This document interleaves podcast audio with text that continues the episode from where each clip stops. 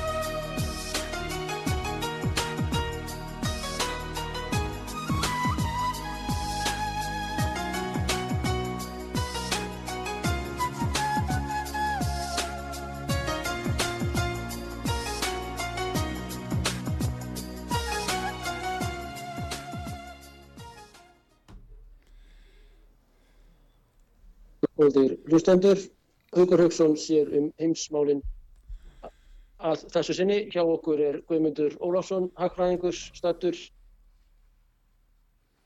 í hljóðvöri Reykjavík. Búinn á Harður Hláttafærastjóri í þann 15. til Rúlandi verð góð og því hafa við skiljaðning að þjóður kynns verjist ekki við hvora aðra og menn byrja það vonandi að skjóta á minna á hvern annan. Nú farið verður að sjálfsögði menningu, sögu og hérna gríðarlega miklu verku, já menningu og sögu Rúslands. Nú því miður er blikur á loft Palestínu sem sumur kalla stríð bandarækjana gegn eða upphittun að að auk 30 í að íslenskum tíma klukkan 02.30 í, í að staðartíma Jemen gerði bandarækjumenn breytar uh, árásir, miklar loftarásir á fjölda skotmarka í Jemen. Þannig að þeir eru bæten fórseti bandarækjana er núna komið inn í stríð gegn húsítum eða húsum í Jemen. Ítalija neytaði að vera með í þessu með lóni, fórsættisrátra hefur neytað því, varnarmálar á þeirra bandarækina, Lloyd Austin gaf þessa fyrirskipun en hann er nú á sjúkrási með blöður, krabba í blöðurhálskirtli. Það vissi enginn hvar Austin var niður komin í um fimm daga og samskipti hans og, og Bidens voru á höldu í um 15 daga þannig að það er ekki ljóst hvar rauðitakkin er. Ástand Bidens vestnar með já, mánuði missir í hverju og uh, það er einungis uh, búist við því að núna verði verri og meiri átök. Húsítar ætla að uh, sökva skipum bandarækjamanna, þeir ráða yfir Rauðahafi Þessar árásir voru meðal annars á Sana sem er höfuborg uh, Jemens. En Jemenar eru miklir baráttu menn og nú fer fram í stærstu borgum Jemens uh, miljóna fundir þar sem að mikill uh, hernaðar og hemdar, hemd, hemdarandi er hjá almenningi um það að breytum bandarækjumannum og þeirra fylgi þjóðum. Íslandi sem, sem betur fyrir ekki á þessum lista. Skuli refsa. Nú þetta er einungis nokkuð sem að mun auka stríðsátökin. Lavrov og Van Í, auðarrikiðsráþurar Rúslands og Kína, þeir krefjast þess að rætt verði málið í saminnið þjóðunum. Í kvöld að íslenskum tíma verður það gert í nýju Jórvík í New York borg. En þar munir bandarækjumenn og breytar og þeirra fylgir ekki væntalega réttlæta þessar árásir sem sjálfsvörð þó að þetta sé hinum einn á nettinum. En húsittar er að loka skipaleiðinni inn í Rauðahaf, þeir eru að loka leiðinni inn, í, uh, inn á Suez-skurðin sem er einn mesta mikilvægasti skipaskurður heims. Þeir hafa hleyft rúsneskum skipum núna en ekki þessum skipum frá þessum óvinnaríkjum sínum. Nú Guðmundur, hvernig sér þau fyrir já, þessa þróun? Þetta er ekkit að hætta í gasa, það er enginn sem að, það er ekkit að sjá að það sé að koma að fríðarviðræður eða vopna hlýja þar, frekar enn í Úgrænu. Hvernig svona, já, hvernig heldur þetta fari áframhaldið á þessum skelvölu atbyrðum sem að þetta ár byrjar á? Það er ekki gott að segja. Ég verða að viðkjanna það að, að þekking mín á... Uh, þessu svæði þar að segja mið-austurlandum, hún er ekki mikil. Uh, ég hef að vísa fylgst með þessu núna undan hann tvö ár en, uh, en ég uh, hef alltaf verið svo lítið, maður hefur náttúrulega samúð með geðingum á þessum ástæðum, það er bara svo leiðis en, en nú eru þeir komnir út í hluti sem að yfirganga allt sem maður hefur séð fyrr þegar að það er bara slátrun og það er komið upp undir 30.000 manns og það er af 10-15.000 börn þannig að, að þetta verður mjög fróðlegt að sjá hvernig þetta réttarhald í hag fyrr í sambandi við, við Gaza átök og, og strísrekstur Ísraela. En, en, en þannig verður maður bara býð og sjá. Ég segi það að það er hins vegar sem er að gerast í leiðinni er, er sko að það er að molna undan bandaríkjamannum og stjórn bandaríkjana sem hefur reikið utaríkistefnu sem að virðist vera afskaplega ruggluð uh, frá því um árið 2000 þá, hefa, þá hefur ekkit gengið upp. Og raunar má fara aftur það er það, eru, uh, það er margt sem er að breytast það er til dæmis verðbólka og efnahags óáran sem að að Vesturland þurfa að glýma við og uh, það verðist ekkit látverð á því og það er til dæmis nýjar hrettir að skuldasöfnun vestræðna ríkja hefur aldrei verið meiri og bandaríkjaman hafa slegið uh, uh, met í skuldasöfnun einmitt á þessu ári Nú það er líka til margsum breytingarna sem eru að verða að, að heimsmeistarir í bíla útlutnengi er ekki lengur bandaríkjaman, heldur kynverjar. Þeir flytja núna út flesta bíla í veröldinni. Og það, það eru svona ymsjar breytingar sem eru að verða og í þessu árferði þá má segja að Alþjóðabankin og Alþjóðagjaldirisjóðurinn að þau missa vægi að því að það er bara, þeir hafa ekki fjárráð og uh, hvað þýðir það? Jú, það þýðir að það eru minni ástæða fyrir lönd til þess að taka þátt í samstarfi með bandaríkjumönnum sem hafa æfinlega uh, æfinlega bundið þáttöku til dæmis í NATO við það að að það væri skilirði til þess að fá uh, fjárhagslegan stuðning frá þessum stofnunum. Hvað segir um það, kallin minn? Já, já, já, einmitt. Það er, það er einmitt þannig sem að Ísland náttúrulega var gríðilega mikilvægur partur af NATO strax þegar það er stopnað í april 1949 og, og markaðir fyrir fiskvana sem við fáum þá Já, ekki bara það. Þetta er okkur skyndilega eftir að, að við öngum inn á það að við í NATO, en auðvitað er þetta efnagsmálinn eru þarna nummer 1, 2 og 3 og skipta greiðlegu máli. Já, ég hef uh, alltaf sagt það, það sem mestumáli skiptir í sambandi við NATO er, eru þessi efnagsmál. Varnar uh, gildið er í sjálfsver uh, ekki mikið sverði en það er engin herstuð lengur á Íslandi og það sem mestumáli skiptir fyrir Íslandingar það að Það var aðgangur á elendu fjármagni og við gáttum byggt hér upp uh, ráðurkerfi og hafið gífurlega framleiðslu á, á áli sem hefur leitt til þess að við höfum fengið miklar gjaldiristekjur af ráðurframleiðslunni og þessar gjaldiristekjur skipta gífurlegu máli fyrir Ísendinga. Nú, uh, þessar framkvæmdir sem hófust upp úr 1950 og leittu til sko stofnunar og landsvirkjuna og svo framvegis að, að hérna, þetta var að hjekka allt saman, þessi, þessi fjárhagslegi stöningur og hérna uh, okkur kjærfusins. En það er eins og Íslendingar maður ekki skilja ekki að að þetta er líkil atrið í efnagslífi landsins að, að, hérna, að við skulum hafa gjaldiristekjur af ráðurframlistinni. Þetta er bara alveg eins og með fisk. Það eru margir sem berjast gegn uh, ráðurframlistin og það eru fórsendu að það spilli einhverju náttúru sem er nú víðarendar en, en, en menn átt að segja ekki dáði að það gild alveg sömu lagmál um ráðurframlausluna eins og fiskveðar að þetta eru galdristekjur og það skipta gífurlegu máli.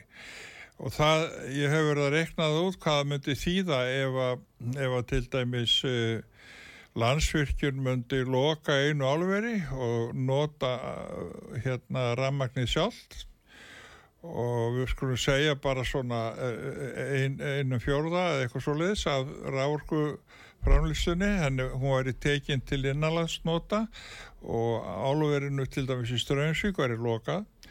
Þá þurftur einhvern, einhvern veginn að bæta upp tekjumissin sem að Íslendingar yrðu fyrir með því að loka álveri og þá kemur í ljós að, að hérna uh, það sem ég hef nú verið áætla að raforkureikningarnir hjá Íslendingum þeir myndu fara úr svona 5-6 þúsund á mánuði upp í 50 til 100 þúsund og þetta er, þetta er nokkuð sem að Íslendingar hafa aldrei átt að sjá Já.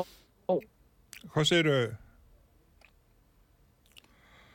Þú heyrir í. Já, þetta er mjög mjög áhugaverðir útrækningar en Guðmundur, nú, nú eru menna að, að koma í vekk fyrir það að raforku framleysla útir og hrein og græn raforku framleysla verði áfram með, með þessum hætti á Íslandi og þó ætla menna að setja flota, bílaflota landsmanna yfir að raforku og bensin og dísel bensinstöðvar eða orku allt þetta dælu dælustöðvar á þessum ágættu vökum verða bannar frá 2030, er það ekki? Er þetta ekki svolítið með útsakna kemd þessi græna, já, síndar eða, ég meina, hvað er það menna að lenda? Jú, jú, þetta er bara rugg. Þetta er svona eins og að, að vera á móti fiskveðum að því að, að því að hérna, menn vil ekki láta gára sjóin eða eitthvað svoleiði, sko, það er bara þvæla. jú, jú. En það, það má búast í því að það veri rætt um þessi efnagsmála í Davos, World Economic Forum, Akkurát, akkurát. Þetta er nú fyrirbæri sem var búið til af Evrópamönnum uppháflega uh, í kringu 1970 þá var, þá var stopnað þetta uh, European Management Forum og þessu var síðan breytt í World Economic Forum uh, 1987 og þá komu bandaríkjumenn inn í þetta og, og hérna, þetta var svona allserjar business og ríkimanna uh, hérna, uh, klubur Nú það fer enginn þanga nema hans í bóðinn, það er svo leiðis. Nú þannig eru nú ymsar góðar þjóður, við svona segja kynverar eru þarna með líklega eitthvað svona 20 fulltrúa. En bandaríkjamenni eru með eitthvað um 700 fulltrúa. og aðalega úr viðskiptalífinu en ég, ég held að rússar sé ekki rússar er ekki leiðir ekki frekar en annar staðar það er, það er, það er hérna á Östurlandu þá, þá eru aðalega til tver, tvær tegundur af fólki eh, sem að ég hef kynst það er þannig að það eru þeir sem að hérna hata rússa og telja að, að Pútin hann sé hann sé, hérna, hann sé líklega kommunisti og uh, þess vegna erum við á móti honu. Svo er ákveðin hópum hana, hérna, til dæmis þú heyrir af þeim í samstöðinni, hérna, sem er nýju útastöð hérna á Íslandi og þar er menn sem eru hrættur um að Putin sé ekki kommunisti. Já, já, já. Þetta er skrítið. Maður er innan fólk sem er, en, en það er allir saman um það að Putin sé geðvíkur morðingi og, og, og, og hérna glæpamaður. Og það er nú svona í takt við sem að bandaríks blöð hafa tekið upp að þeir eru alltaf að hengja nöfn upp á alls konar hluti og að því að þá þurfa menn ekki að hugsa menn bara nefna nafn og þá er vondimaðurinn komin jú, jú. nú eða góði hvað segir um En Putin, Putin bjargar Rúslandi í rauninni, bjargar Putin landi og þjóð frá um þessu Davos og þessari ekonomik elitu upp úr 2000. má ekki segja það, minna engavæðingin var sríkaleg hérna í Rúslandi sem að var að ganga yfir og mafíuvæðingin og, og hvernig klókir menn notfærið sér veikleika já, þjóðarinnar og það sem var í hríkalegu ólægi. Já, það er mjög einfalt mála að, til dæmis uh, John Misheimer, professor í sjálfnárafræði í, í hérna, University of Chicago, hann heldur því fram að Putin hafi einfallega bjarga rúsum og ég held að sé einfaldast að orða þetta þannig að, að, að þetta er algjörlega í samræmi við skoðun helstu hagfræðinga heimsins og nóbærsvöldun að hafa að blandað hagkerfi sem að hann kemur á upp úr, 19, upp úr 2000 það er affæra sælast fyrir svona land og þá má ég orða það þannig að þetta blandað hagkerfi sem að verður til í höndunum á Jedinæja Rossja eða rúsneskri einingu sem er stjórnmálarflokkurinn á baku Putin og Medvedev að hérna það má orðaða þannig að þeir hafi leitt til þess að í Rúslandi var tekið upp skandinavíst hagkerfi. Það er bara þannig. Og ég hugsa að það sé það sem fer mest í taugarnar á bandaríkjumannum því að, að þeir hafa ekki alveg litið á sko, Svíþjóð og Noreg og Danmörk og það séu bara kommunistaríki ímsi bandarískir vinnuminni, þeir, þeir telja það að, að, að, að Skandinavar, það séu bara kommunistar. Það, það, það auðvitað ekkit vitið í en það sýnir rugglið. Akkurat, akkurat. En já, Davos elitunni sem að, eins og þú segir, er búin að funda núna í 50 ár og, og bandaríkjumenn koma síðan inn í þetta, þetta európska apparat sem að, og eru langsterkastir og, og stæstir og Putin var náttúrulega í Davos einhver, einhver tíman en, en hann hefur ekki verið þetta núna í einhverja 5-6-7 ára minnstakosti og uh, menn frá ríkinu og, og orkugeiranum hafa verið hérna en, en þeir hunsa Davos núna og auðvitað er mér ekki búið fyrir það fyrsta kannski. En uh, mér skilst að uh, Ísland, á Íslandi séu stjórnumálamenn svona inkognito að yfirgefa landið eða búnir að því og uh, þá er, launa, eh, hérna, er ekki sagt að manneskjan sé erlendis eða fara erlendis í engaðirindum. En þessi fundur í Davos, hann byrjar á mánudaginn 15. janúar, er, er út þá viku eða fram á förstaginn eftir viku sem að þetta klárast. Þannig að Katrin Jakobsdóttir er ekki á landinu, Bjarni Benediktsson útrækistráþæra og Sigurður Ringi innviðaráþæra. Þannig að sagt er að Guðlugur Þórs er núna handhafi í að starfa forsætisráþæra. En e, auðvitað er Ísland mjög mikilvægt fyrir þetta Davos fólk og, í þessum orkumálum og, og, og annað. Þannig að, þannig að það sem þeir eru núna að ræða er já, er þessi orku skortur heimsins og uh, já, þessi græna lína sem að, að mörguleiti virðist ekki vera að gera sig eins og, eða ganga upp, skulum segja, eins og, eins og áallar var. Já, já, það er alveg rétt, en á hittir að líta að uh, fyrir okkur Íslendinga þá er þetta líkil atriði að, að hérna að ebla þar áorkurkerfi sem við höfum verið að byggja upp og halda því áfram því að orku þörfin hún vex rosalega. Það voru einhverjir ástefnum sem fór einhver tíma ná í sambandi við orkumála þá var því spáðað á næstunni myndi þetta verða þannig að orku þörfin er því kannski 25% af því sem nú væri þegar framleitt og hérna það sjá, sjá allir hvað það þýðir og hérna við höfum bara verið svo lánsamir að geta byggt upp fyrirtæki eins og hérna landsvirkjun. Og það er nefnilega ánægilega tíðindi að það er nýbúið að gefa út mikið rít sem er saga landsvirkjunar. Helgi skúli Kjartansson og einhverjum fleiri sömtu þetta rít og þetta er nýjútkomið það sem saga þessara uh, framkvæmda er rakin og hún er mjög merkileg og þetta tengist vita skuld uh, hérna okkar aðferðum við að afla fjár til að byggja upp þetta merkilega kerfi sem er eins konar lífæð fyrir okkur. En það vestæði er það að, að það eru mjög margir íslendingar sem botna ekkit í þess og berjast gegn ráorkuframlýslu af því að þeir, þeir, þeir halda að þetta sé eitthvað sem við erum að gera fyrir útlendinga og þeir séu að græða á því að náttúrunni sé spilt átt að segja ekki dáði þetta er líkil atrið fyrir líf á Íslandi. Og þetta er grænasta orkan sem hægt er að fá og við þurfum þessa orku og eins og þú segir að þá er álið er nummer tvö eftir túrismannum í, í tekjum landsmanna í, í gjalderi talið þannig að hérna Já, já, já, já og, og líki latrið í því að sko túrismin hann gefur miklar tekjur en hann er gífulega kostnaðisamur uh, Ráðframleðslan hún er hún þarf ekki mikinn mannskap.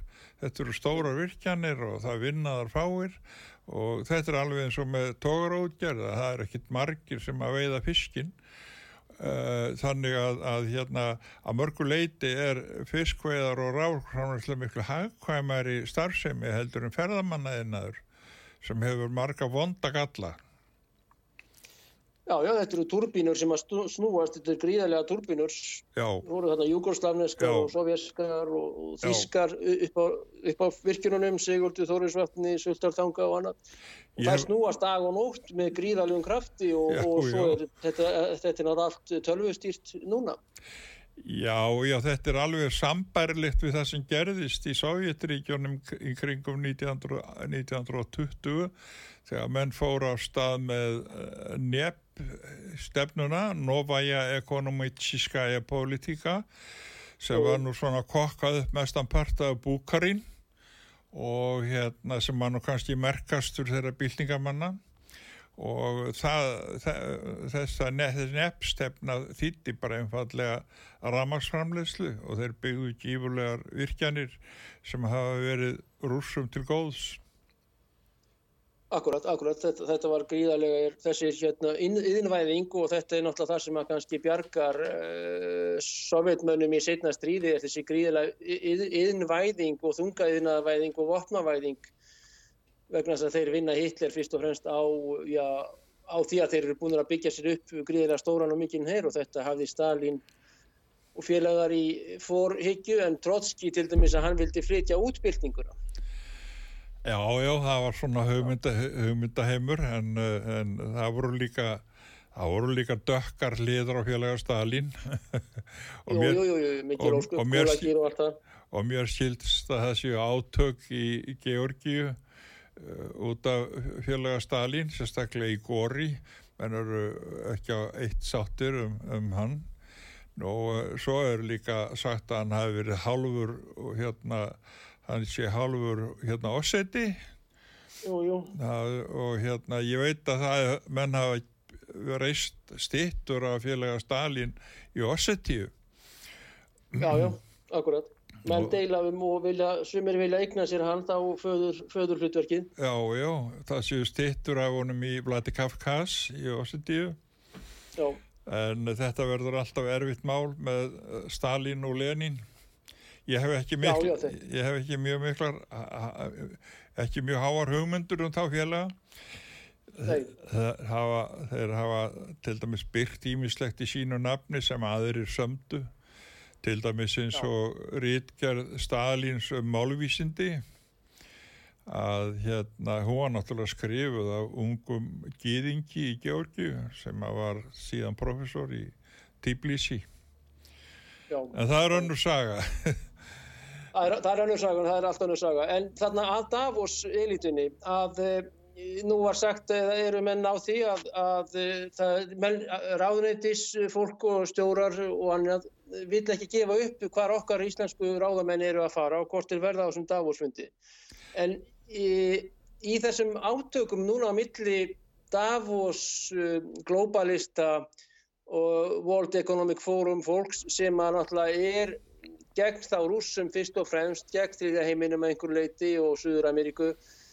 E, ég minna svona smáríki með mikinn, mikla orkugetu framleyslu í Ísland. E, erum við, já og normenn og annað, orðin þá líkil atriði í að, að til dæmis að ná Íslandi inn í Európusambandið og koma Íslandi undir orkustjórnunina sem er orðin yfir þjóðlegt vald og er orðin líka uh, gríðilega mikilvægt í þessari orku þessu orgu stríði sem að Vesturlönd núna eru fyrst og fremst í gegn Rúslandi með mm. ólíu, gas og, og, og bara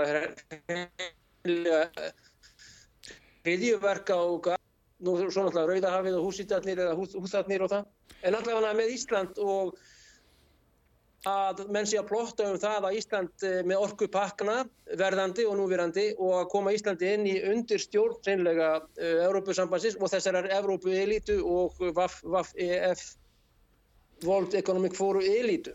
Klaus Schwab. Já, ég er nú ekki trúaður á að það gangi upp, það getur vel verið að það sé, það sé svona ætlunaverkið en uh, Nú stendur það til að, að það verði afnuminn neitunaréttur þjóða í Európusambandinu.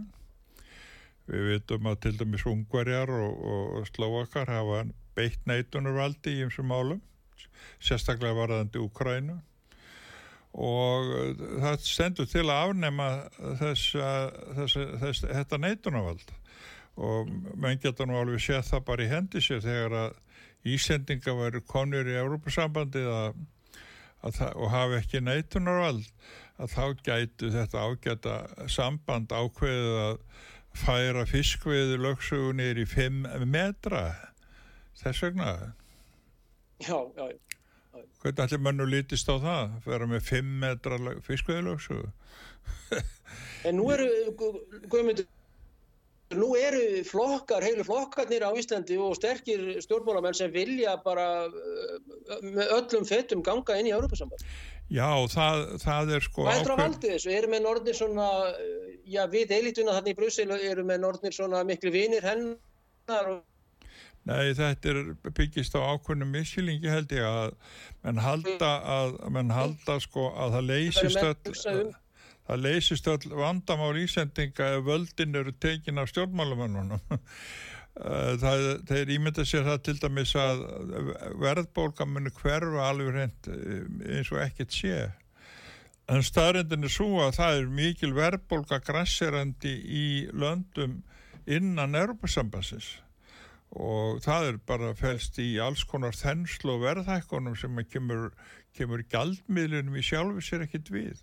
Þetta er flóki samspil og eh, það sem er að gerast einfallega núna á Vesturlöndum er gífuleg skuldasöfnun, bæði ríkistjórna og sveitafélaga og þetta hefur miklu meiri áhrif á verðbólgu heldur en flest annað.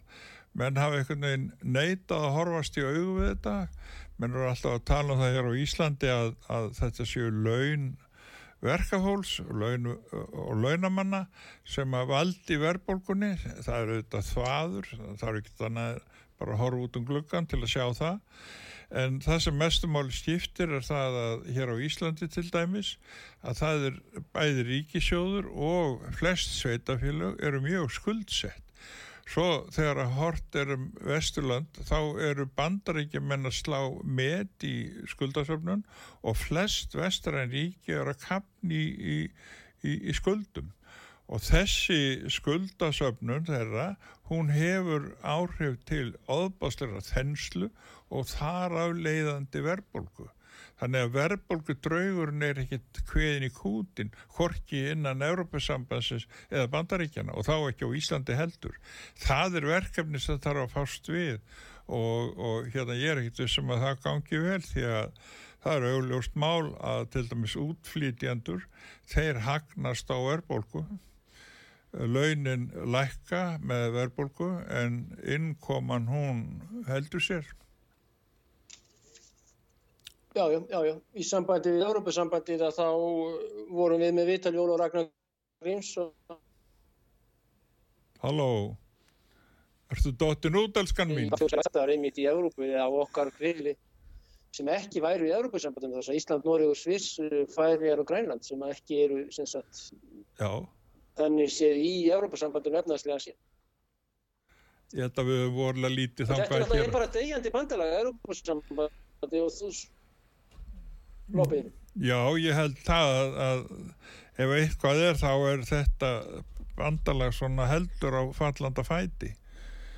Ef eitthvað er hægt að segja um það, ég bara hef nú svo lítið hugsað og velt þessi fyrir mér en, en ég eitthvað neginn sé fyrir mér að, að til dæmis þetta Úkrænu stríð það á eftir að fara mjög illa með, með Vesturland og það er, það er fleira í því sko menn gleima því alveg að að brygglöndin að þau eru smán saman að, að taka á sig öflura form, þau eru að verða voldúri við sjáum til dæmis þetta sem ég nefndi með Kína að, að þeir eru orðin mestu bíla útlendjendur í veröldinni.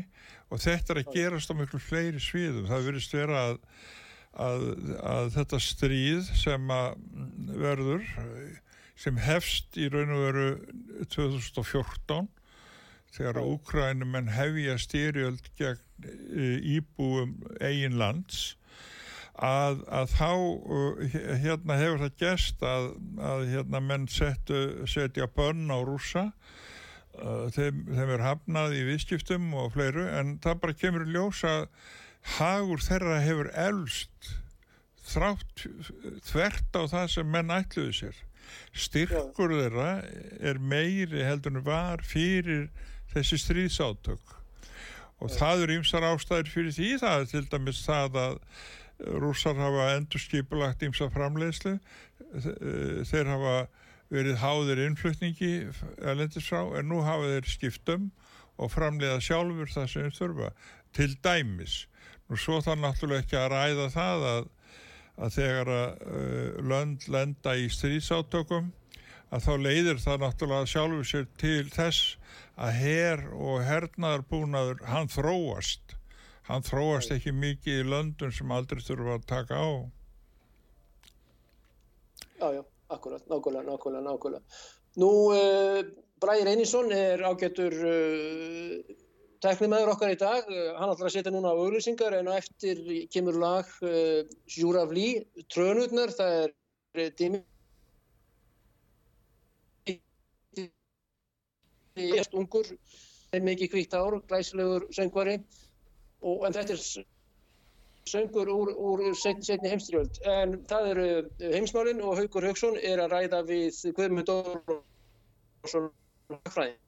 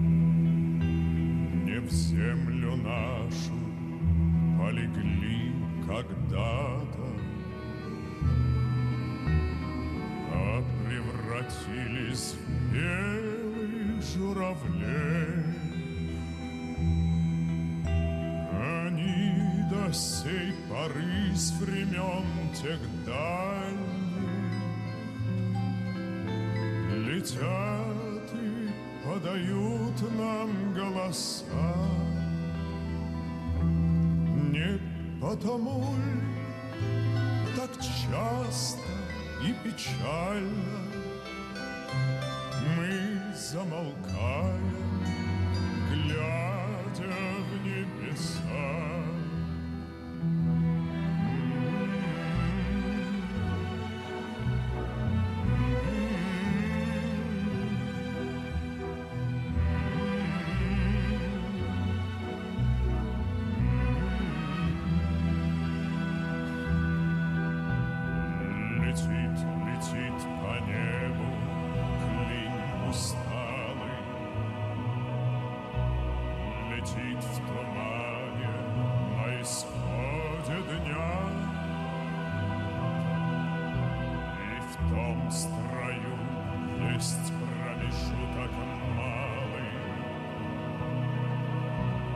Быть может, это место для меня.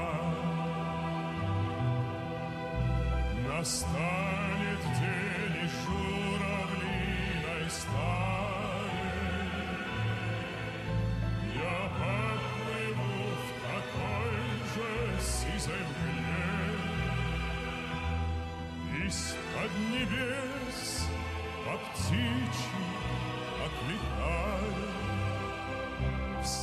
вас, кого оставил на земле.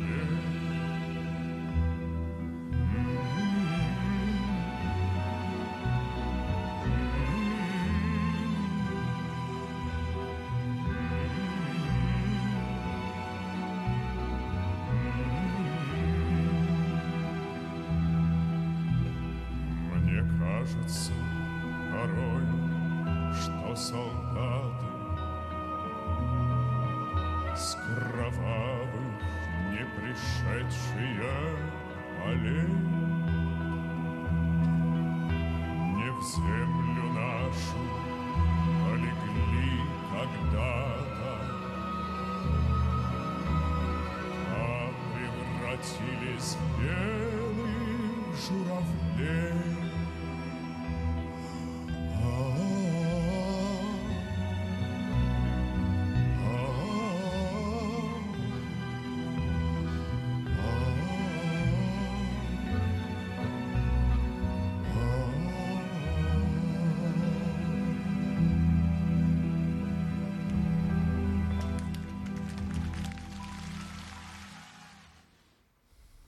Góðir hlustendur, Haukur Hauksson sér um heismálunum þessu sinni og við tölum núna við Guðmund Ólafsson, uh, hagfræðing.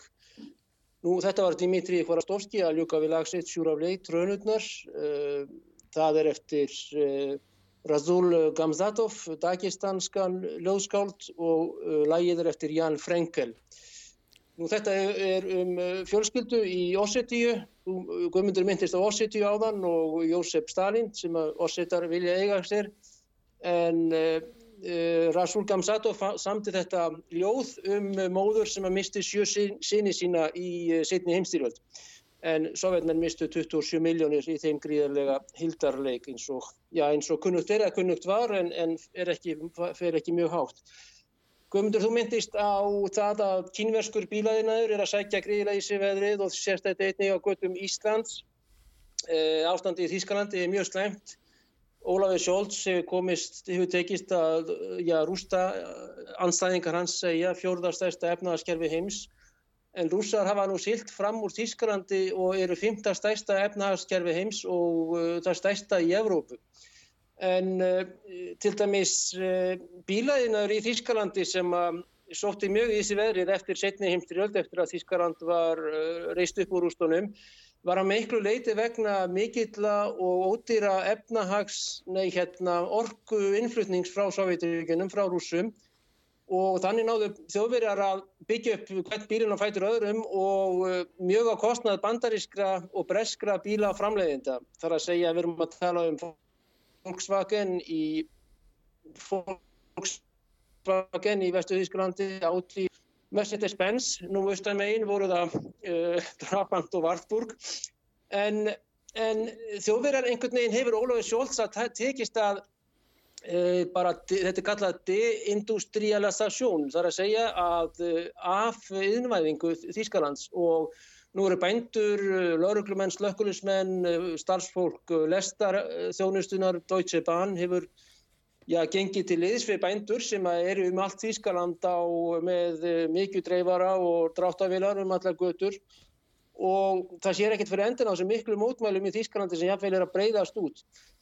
Ég meina, er þetta ekki bara til dæmis dæmigert fyrir það að uh, Joe Biden, hann uh, let Ólaf Scholz samþykja það að Nord Stream er sprengt upp og hann segir það, there will be no Nord Stream, we will take care of it og þar við hlið, þetta var á fréttamanni fundi í Washington, stóð Ólaf Scholz og, og nikkaði höfði eins og lítill sendi uh, drengur.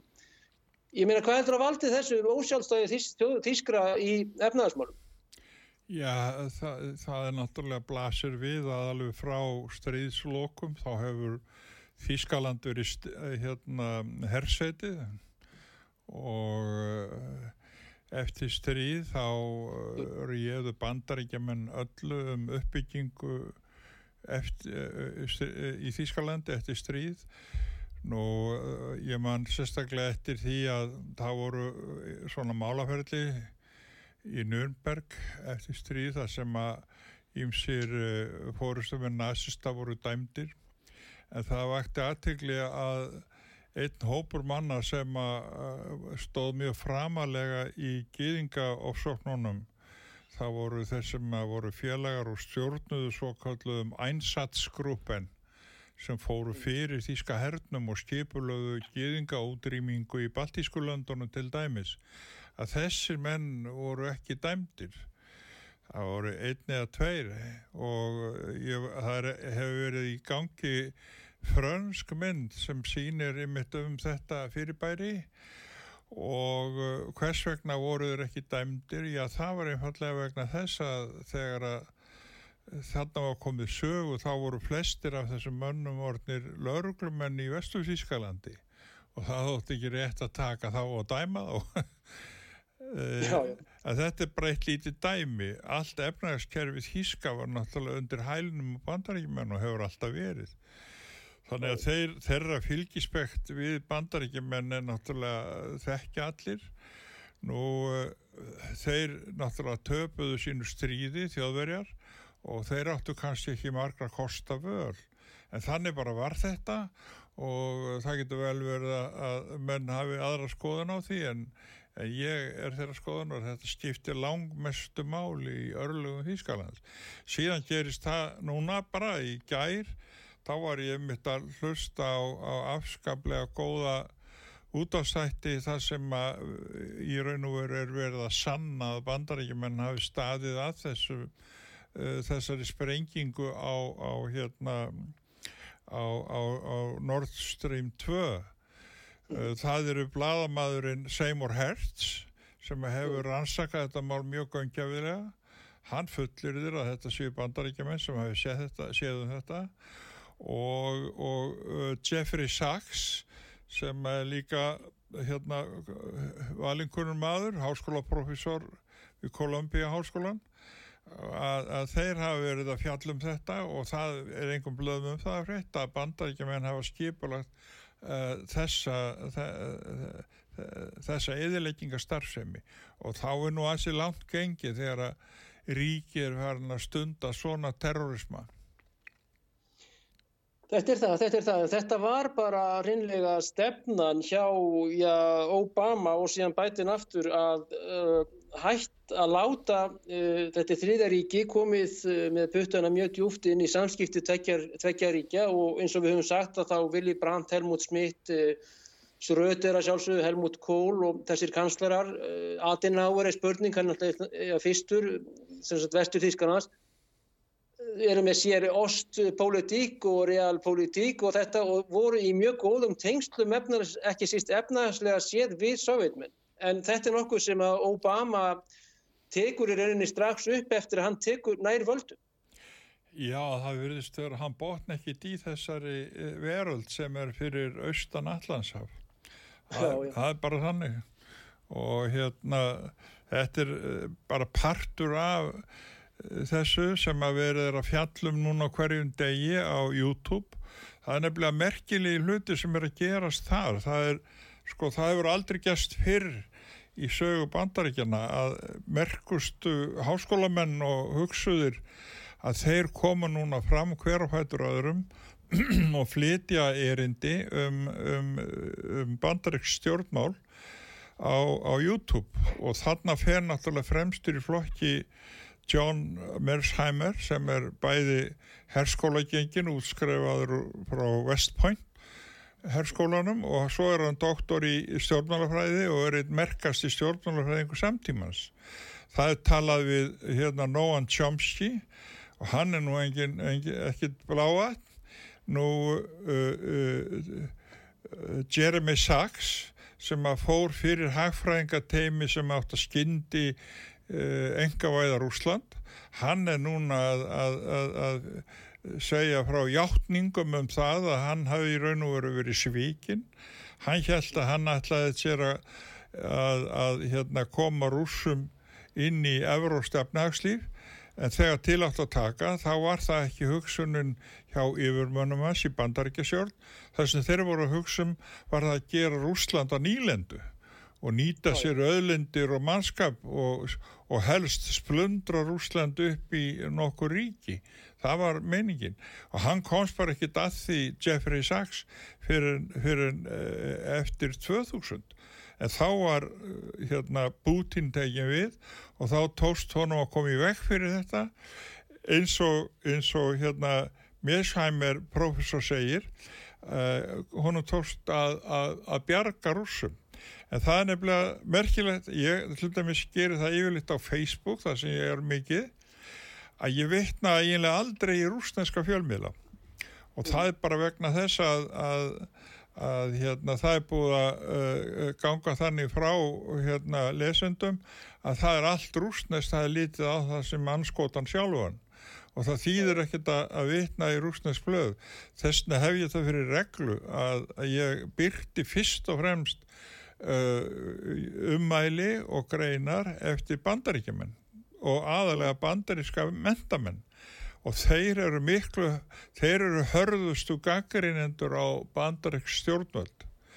Uh, ég að vísu les alltaf, hérna skal ég segja, rúsnesk blöð ég les alltaf af Ísvesti og, og Nója Gazzetta og sérstaklega uh, hérna uh, lit, literatúrunega uh, hérna bók, bókmentablaði Gazzetta, aha.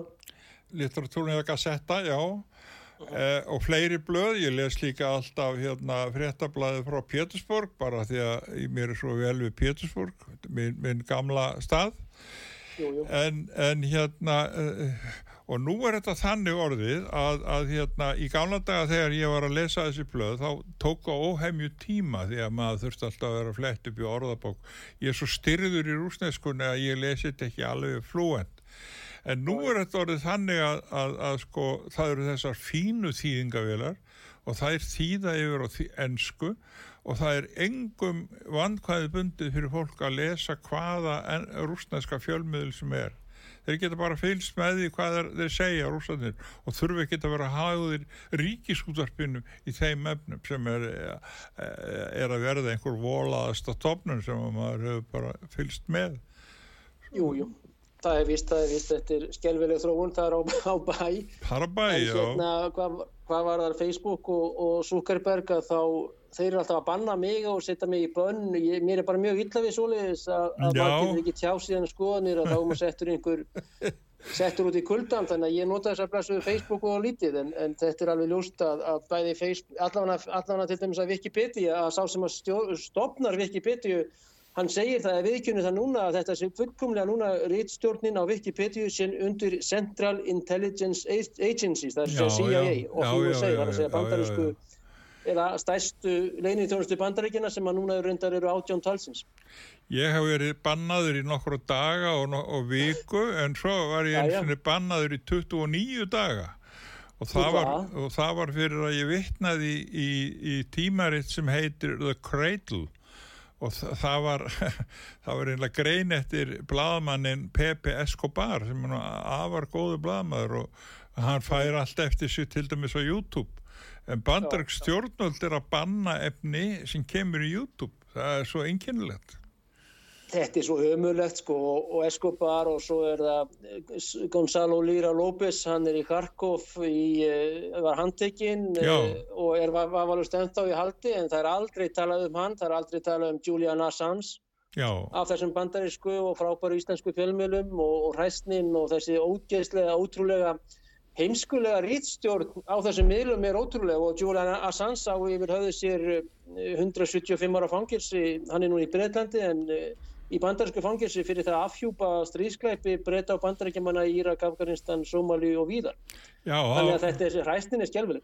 160 ára fangelsi fyrir að segja satt Fyrir að segja satt í Já. mestu líðræðislöndum sögum. já, já.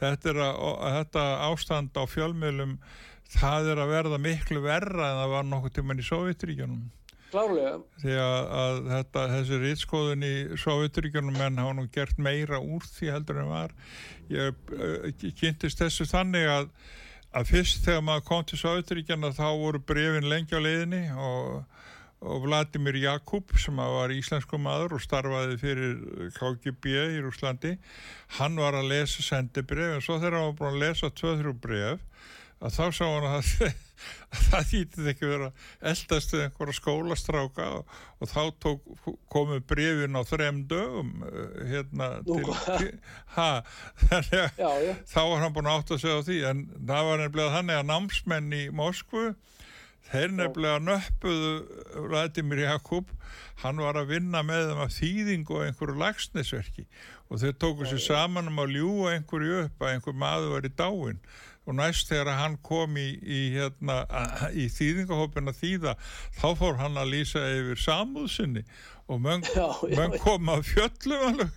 þá var hann eiginlega búin að láta nappa sig sem rítskoðar í Íslendingana og, en það var allt í lægi því að þetta var besti maður og var síðan eh, ágætur vinnur Mattiasar Jóhannesson rítstjóra morgunblæðin og var með honum á fundum hér á Íslandi svona, Nú glæsilegt. já, já, já, þetta er alveg dásanlegt mál Gott að sé vinast á þeim bæ, mi- milli Íslandlinga og rúsa og Já. það ágæta fólk. Já, já, Akkurat. Já, En- já. já. en En, það- núna, Loppi, nú er þetta þannig að verða allir að vera á flokkslínunni frá Brussel og Washington og annars ertu þá, já, uppnefndur og útnefndur en oft er okkar bara skilningur og söguþekkingur og reynsla í lífinu miklu dýbrið, þingri og, og meiri og yfirlits meiri heldur en já, þessara rítskoðara sem að núna sitja við tölvöðnar. já, já Þú það, verður að þekkja söguna til þess að vita, minnist að þú segir, uh, Ukrainsk stjórnvöld hefja stríð gegn eigin fólki eftir valdráðum 2014. Það er bara staðreind. já, já það, En það er alveg strikað yfir það og, og, og farið skautað mjög vandlega fram, fram, fram hjá þeim staðreind.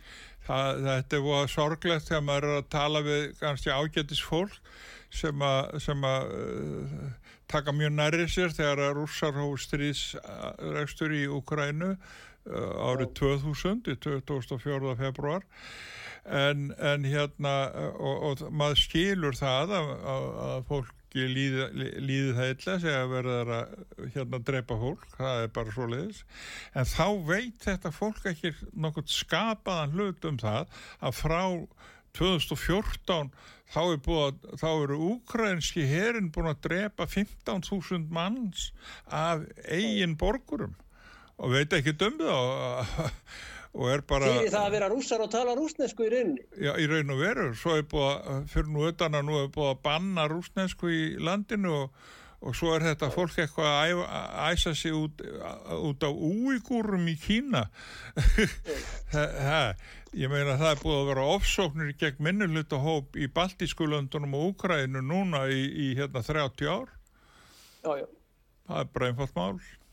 Þetta er alveg mjóleikindum, þetta er alveg mjóleikindum. En uh, svona í lokina þá ætla ég að fara yfir hérna smá uh, statistík eða tölfræði og mynd, myndumst á það að Rúsland væri orðið uh, 15. stærsta hagkerfi heims en þeir sigla ríklega fram úr Japan á þessu ári en tölvurnar eru þess áttar að við erum að tala um triljónir dollara eða terradollara, megagigaterra, peta Já, já, og Kína er með 32 í landsframleiðslu, uh, triljónir, Bandaríkinn 23, Indland 16 triljónir, Japan 5,6, Rúsland 5,5 og Þískland 5 slétt.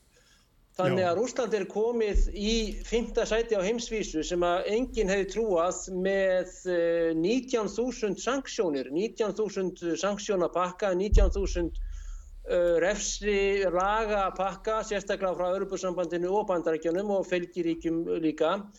En Rúsland verður uh, á eftir Indlandi uh, og siglir fram úr Japan sem á við vandræði að stríða og, en það er hagvástur talsverður í Rúslandi. E, ég meina það hefði enginn búist við þessum tölum, Loppi, að Rúsland myndi e, fara fram úr Þískalandi og fer fram úr Japan fljótlega. já. Þá er Kína, Bandaríkin og Indland á undan, en, en langt á undan að vísu. Ég, það, svo er líka annað sem að menn gleyma að, að hérna, er þessi hagvöxtur og þessi hagsæld í Rúslandi, hún er ekki bara bundu við Moskva og Pétursborg. Þetta er, þetta er um allar trissur. Ágætur vinnuminn og bladamaður íslenskur sem býr í Samara hann segir mér það að þetta sé ekkit síður út á landi að, að hagsældin hefur gert vart við sig. Já, já. Það er alveg rétt, Vi- Villi vinnur okkar, hann er í samara og, og hérna, það, það er bara staðrind að menn eru þar á bílum og, og kínverskum bílum núna, Já, kínverskum já. rafbílum og Já, öðrum já. bílum og, og löturnar eru orðnar mjög nútímalegar. Það er bara eitt sem menn verða að gera með vesturland, þeir verða að hugsa sig um ef þau ætla að vera með í framtíðinni. Ég held að menn séu bara eins og Marja Sakharova vinkun okkar segir að menn eru að skjóta sig í fótinn og fæturnar og Íslendingar líka og jafnvel fleiri staði og, og, og þessi átök núna í, hjá húsitónum eða hú, hú, húþónum í, í Jemen og uh, að menn vil ekki setjast niður og semja hvorki í Úkrænu neð Jemen og eða Palestínu sé skelvelegt og að bæt Jó, Jósef Rabinett Biden Jr með sínu fylgi liði og bara svo óreiða sem er í Washington þetta, þetta endar illa lópið, þetta er skelvelega Já, þróun og, og, og menn vil ekki tala saman og hefja dialóga og loka og senda það er eins og, það er eins og Jeremy Sachs, Jeremy Sachs hefur sagt hættan er svo að þetta leiði til voðalegra stýrialdar. Það er hættan. Það er hættan.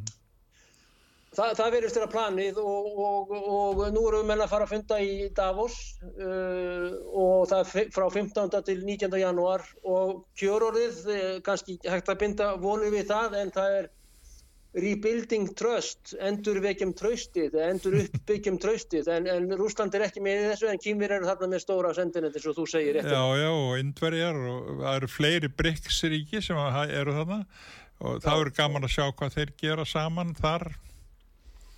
Vorandi að okkar í ungu politikusar rapportir uh, gefi skýrslu við heimkomu en það, það er spurning, þetta verðist vera leini og inkognit og för þarna okkar toppa eh, inn, inn á svisnesku arpana menn kannski vetrafríi líka.